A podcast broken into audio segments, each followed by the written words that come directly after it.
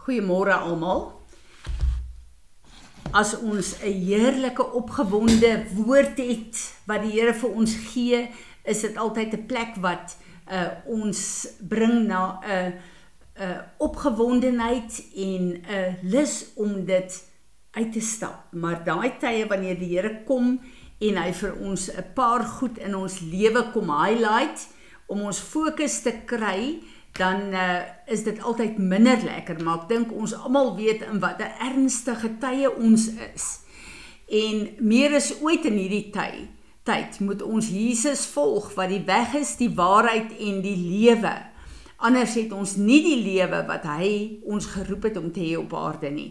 En wanneer ons kyk na Jesus waar hy begin in die Nuwe Testament is daar 'n duidelike patroon wat hy vir ons gee Hy begin by die begin wat die belangrikste is en hy sê repent for the kingdom of God is at hand. En ehm um, dan kom hy en hy sê net 'n bietjie verder aan elke plant wat nie deur my Vader geplant is nie gaan ontwortel word.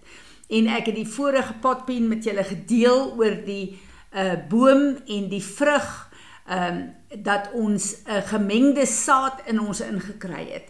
So soos wat ons besig is om te kyk na hierdie goed in ons lewe en ons besig is om seker te maak dat die verkeerde vrugte uit ons lewe uitgaan deur repentance deur die Here te vra om die onverganklike saad Jesus Christus wat in my en jou is soveel vrugte laat dra dat daar nie meer plek is vir verkeerde vrug in ons lewens nie. Ek het die afgelope naweek uh, terwyl ek uh, bedien het, het die Here vir my ehm uh, laat bedien en laat fokus op uh om verder te gaan met hierdie ehm uh, gemengde saad wat ons laasweek mee gedeel het en ehm uh, ek het net besef dat ons sit uh op 'n plek in die liggaam van Christus uh as gevolg van verkeerde fondasies wat in ons lewe gelê is. En verlede week terwyl ek met ehm um, Pieterle in uh Duitsland gesels, praat hy oor die disippelskap skool en wat moet die ehm uh, fondasies wees? Wat moet die uh onderwerpe wees waaraan gevat word? En uh Heilige Gees het net begin met so 'n 'n 'n download in my en uh hoewel dit my baie ontstel het, maak dit my baie opgewonde ook want wanneer die Here vir ons sekere goed wys dan wat vir ons onmoontlik lyk, dan besef ons maar hy is die God van die onmoontlike en hy het ons geskape en hy kan ons help om elke plek waar daar 'n 'n restaurasie en 'n bevryding en 'n verlossing moet kom. Dit is wat Jesus op Golgotha volbring het. En ehm um, Uh terwyl ek besig is om met Pieter te praat, het ek besef dat die fondasies wat in ons gelê is, toe ons uh net in die koninkryk ingekom het, julle sal uh onthou, het ons byvoorbeeld baie gedoen in die ehm uh, die Engelse sê image of Christ. En ons het al daai skrifte gekwoteer en gesê ek is meer as 'n oorwinnaar deur Christus Ek uh, het al die krag omdat hy my sterk maak. Ek is die lig van die wêreld. Ons het al hierdie eienskappe wat die waarheid is. Wie Jesus regtig is, het ons uh opgenoem en ingespreek in ons lewe in. Maar ek en jy weet dat al daai goed wat ons ingespreek het in ons lewe het vir ons kennis gebring van wie Jesus is, maar dit het ons nie op daai plek gebring waar ons gemanifesteer het die, dit wie hy is nie. En terwyl ek en Pieter praat, praat die Here met my en sê dat um, ons is nie geleer dat die oomblik toe ons wedergebore is en die kruis van Jesus Christus aangeneem het as die prys wat betaal is om ons te verlos en om ons in ons ewigheidslewe in te bring. Ons is nooit geleer dat die oomblik as ons dit doen, sê Jesus self, uh, nou moet jy 'n hele kruis opneem en my volg. En ons ken hierdie skrif en ons kwoteer dit, maar wat beteken dit om jou kruis op te neem? Wat beteken dit in jou huwelik? Wat beteken dit in jou elke dag se lewe? Wat beteken dit in jou kinderopvoeding? Wat beteken dit in jou verhouding met jou ouers? In jou verhouding met ander mense? Wat beteken dit op jou plaas? Wat beteken dit in jou werk? Dis nie net 'n skrif. Hierdie is 'n aksie. Dit is 'n 'n 'n toerusting vir ons lewe in elke opsig van ons lewe. In my huwelik Dit beteken op die kruis het die vlees gesterf en die oorwinning van Jesus het na vore gekom. Dra ek my kruis in my huwelik? Of wil ek altyd die een wees wat wen? Of wil ek myself nie humble nie? Of wil ek nie my vlees uh, uh, laat sterf en my maat dien en bedien soos wat die woord my sê nie? Hoe lyk dit in my werkplek? Is ek regtig waar God se verteenwoordiger daar? Is die oorwinning van die kruis van Jesus in my karakter daar? Het my vlees gesterf in my werkplek? Of is my eie vlees, my eie begeertes, my eie visie, my eie drome belangriker as enige iemand anders se?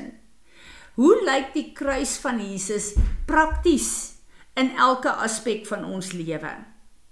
En ek besef ons is nooit geleer die skrif wat Jesus sê wanneer iemand 'n gebou bou dan doen hy eers kosteberekening. En daai fondasie word eers gelê.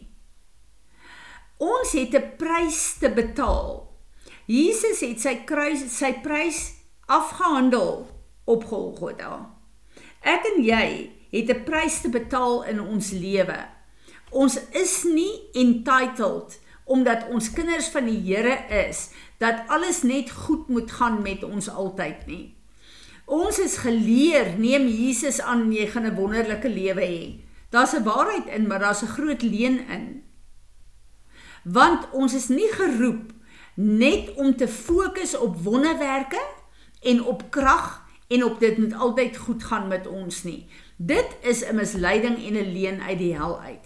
Ons is geroep om Jesus in te bring in elke plek waar ek en jy 'n toets moet skryf, waar ons 'n uitdaging het, waar ons 'n aanval het, waar ons 'n plek het waar ons moet deurbreek, om dan te kom en die kruis en die volle betekenis daarvan in die situasie te bring. Ons te onderwerp aan die Here om met sy wapens deur 'n probleem en 'n geveg te gaan wat die woord in die skrif is wat hy vir ons gee vir daardie geveg. En dan soos wat sy oorwinning en antwoord vir ons deurbreek, dan vertel daai manifestasie en deurbreek is 'n 'n 'n boodskap, 'n getuienis vir al die principalities en die powers wat kyk, maar ook vir my en jou om te sê dat die oorwinning van my Heer en Meester is 'n realiteit in my lewe. Op Golgotha het dit gebeur, maar ek het die vermoë die gehoorsaamheid, die humility om sy krag vry te stel daar sodat almal kan sien hy regeer tot in alle ewigheid. Hierdie goed is nie vir ons geleer nie. In Kolossense 1 vers 24 staan daar Paulus sê ek het 'n beker gekry. Ek en jy het 'n beker gekry. Jesus het op Golgotha die beker afgehandel, gedrink. Ek en jy moet hier op aarde dit sy oorwinning uh in ons lewens in ons situasies inbring dat soos wat ek en jy die prys betaal, daai beker drink en soos wat hy na vore kom in elke faset van ons lewe, is ons besig om vir elke principality and power en ook vir die mense wat ons getuienis moet ehm um, uh, sien as as 'n pad na Jesus toe. Ons is besig om te verkondig dat die kruis van Golgotha die krag op hierdie aarde is. Hierdie goed is ons nooit geleer nie. Ek en jy het 'n prys te betaal. Die prys wat Jesus afgehandel het is tot ons beskikking en is 'n krag tot redding van baie mense. Openbaring 11 vers 12 sê deur die bloed van die lam en die woord van ons getuienis sal mense tot redding kom. Jesus het op Golgotha 'n redding vir die hele wêreld daar geplaas. Maar ek en jy moet 'n rol speel in die redding van mense deur ons gehoorsaamheid, deur ons kruis wat ons moet dra, deur die beker wat ek en jy moet drink, deur die plek van oorwinning wat mense na kyk. 'n Skrif wat vir my uh uitgestaan het hierdie week wil ek met julle deel want jy kyk baie keer na mense en as hulle vir jou bid skuif goed. As hulle woord gee dan voel jy net eenvoudig daai impartation in jou. Dan dink jy sjoe die salwing van daardie mense is net wonderlik. Nou hierdie afgelope tyd laas jaar het ek vir julle geleer dat ons onsself moet salf elke dag. Hierdie afgelope uh weke terwyl ek my salf het daar situasies gekom waar ek vir mense moes bid waar ek sekere goed vir mense moet sê wat teen my eie opinie en persepsies van sake is. Maar waar ek weet soos ek weet, dit is wat Jesus, die gesalfde een, wil sê en wil doen en die vrug daarvan is fenomenaal. En ek het hierdie ding so vasgemaak dat ek gesê het Here Jesus, asseblief help my om nooit daai profetiese aksie van om myself te salf elke dag weer te los nie. Dit gaan nie oor hierdie olie nie, julle. Hierdie olie is by Spar gekoop, is olyfolie. Dit gaan oor die simboliek om te sê, Here Jesus, ek gee u toestemming. Ek gee myself opnuut in hierdie dag na u vir u. Net u salwing en u wysheid moet deurvloei waar ek lewe, maar ook waar ek mense moet bedien. En ek dink oor die salwing en ek kry hierdie skrif. Dis Hebreërs 1 vers 8. But as to the Son, he said to him, this God, Oh, your throne, O God, is forever and ever, to the ages of ages, and the scepter of your kingdom is a scepter of absolute righteousness, of judge, justice and straightforwardness. You have loved righteousness, this Jesus. You have delighted in integrity virtue and uprightness in purpose thought and in action. En dan kom hierdie belangrike ding and you have hated lawlessness injustice and iniquity.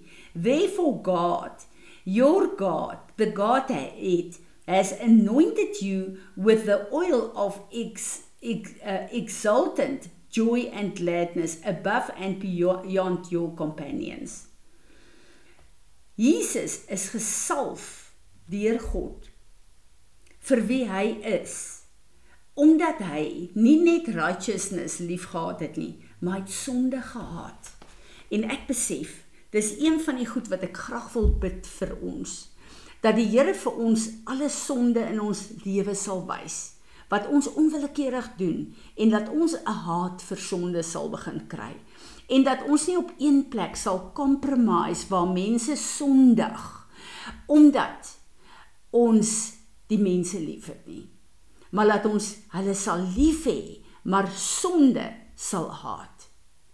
Vader ek bid dat u sal kom en vir ons so 'n 'n 'n ernstigheid sal gee oor geregtigheid maar laat u vir ons 'n haat vir sonde sal gee Here sodat u salwing deur ons kan vloei waar u ons ook al wil gebruik. En Here, hierdie hele plek van casual Christianity waar ons nie dink om 'n prys te betaal nie, waar ons nie dink dat ons lewe u wapen is nie, waar ons nie besef dat u ons lewe, u getuienis is op aarde nie. Ek bid dat u ons uit 'n plek van compromise sal kom haal en laat U vir ons U erns sal gee dat ons sal besef ons lewe is vir U 'n wapen op aarde, 'n maatstaf op aarde, 'n plek om grenslyne te stel. Vader, ons het U so nodig hier. Heilige Gees, help ons asseblief om te lewe volgens U geregtigheid op aarde en om 'n hart vir sonde te hê. Amen.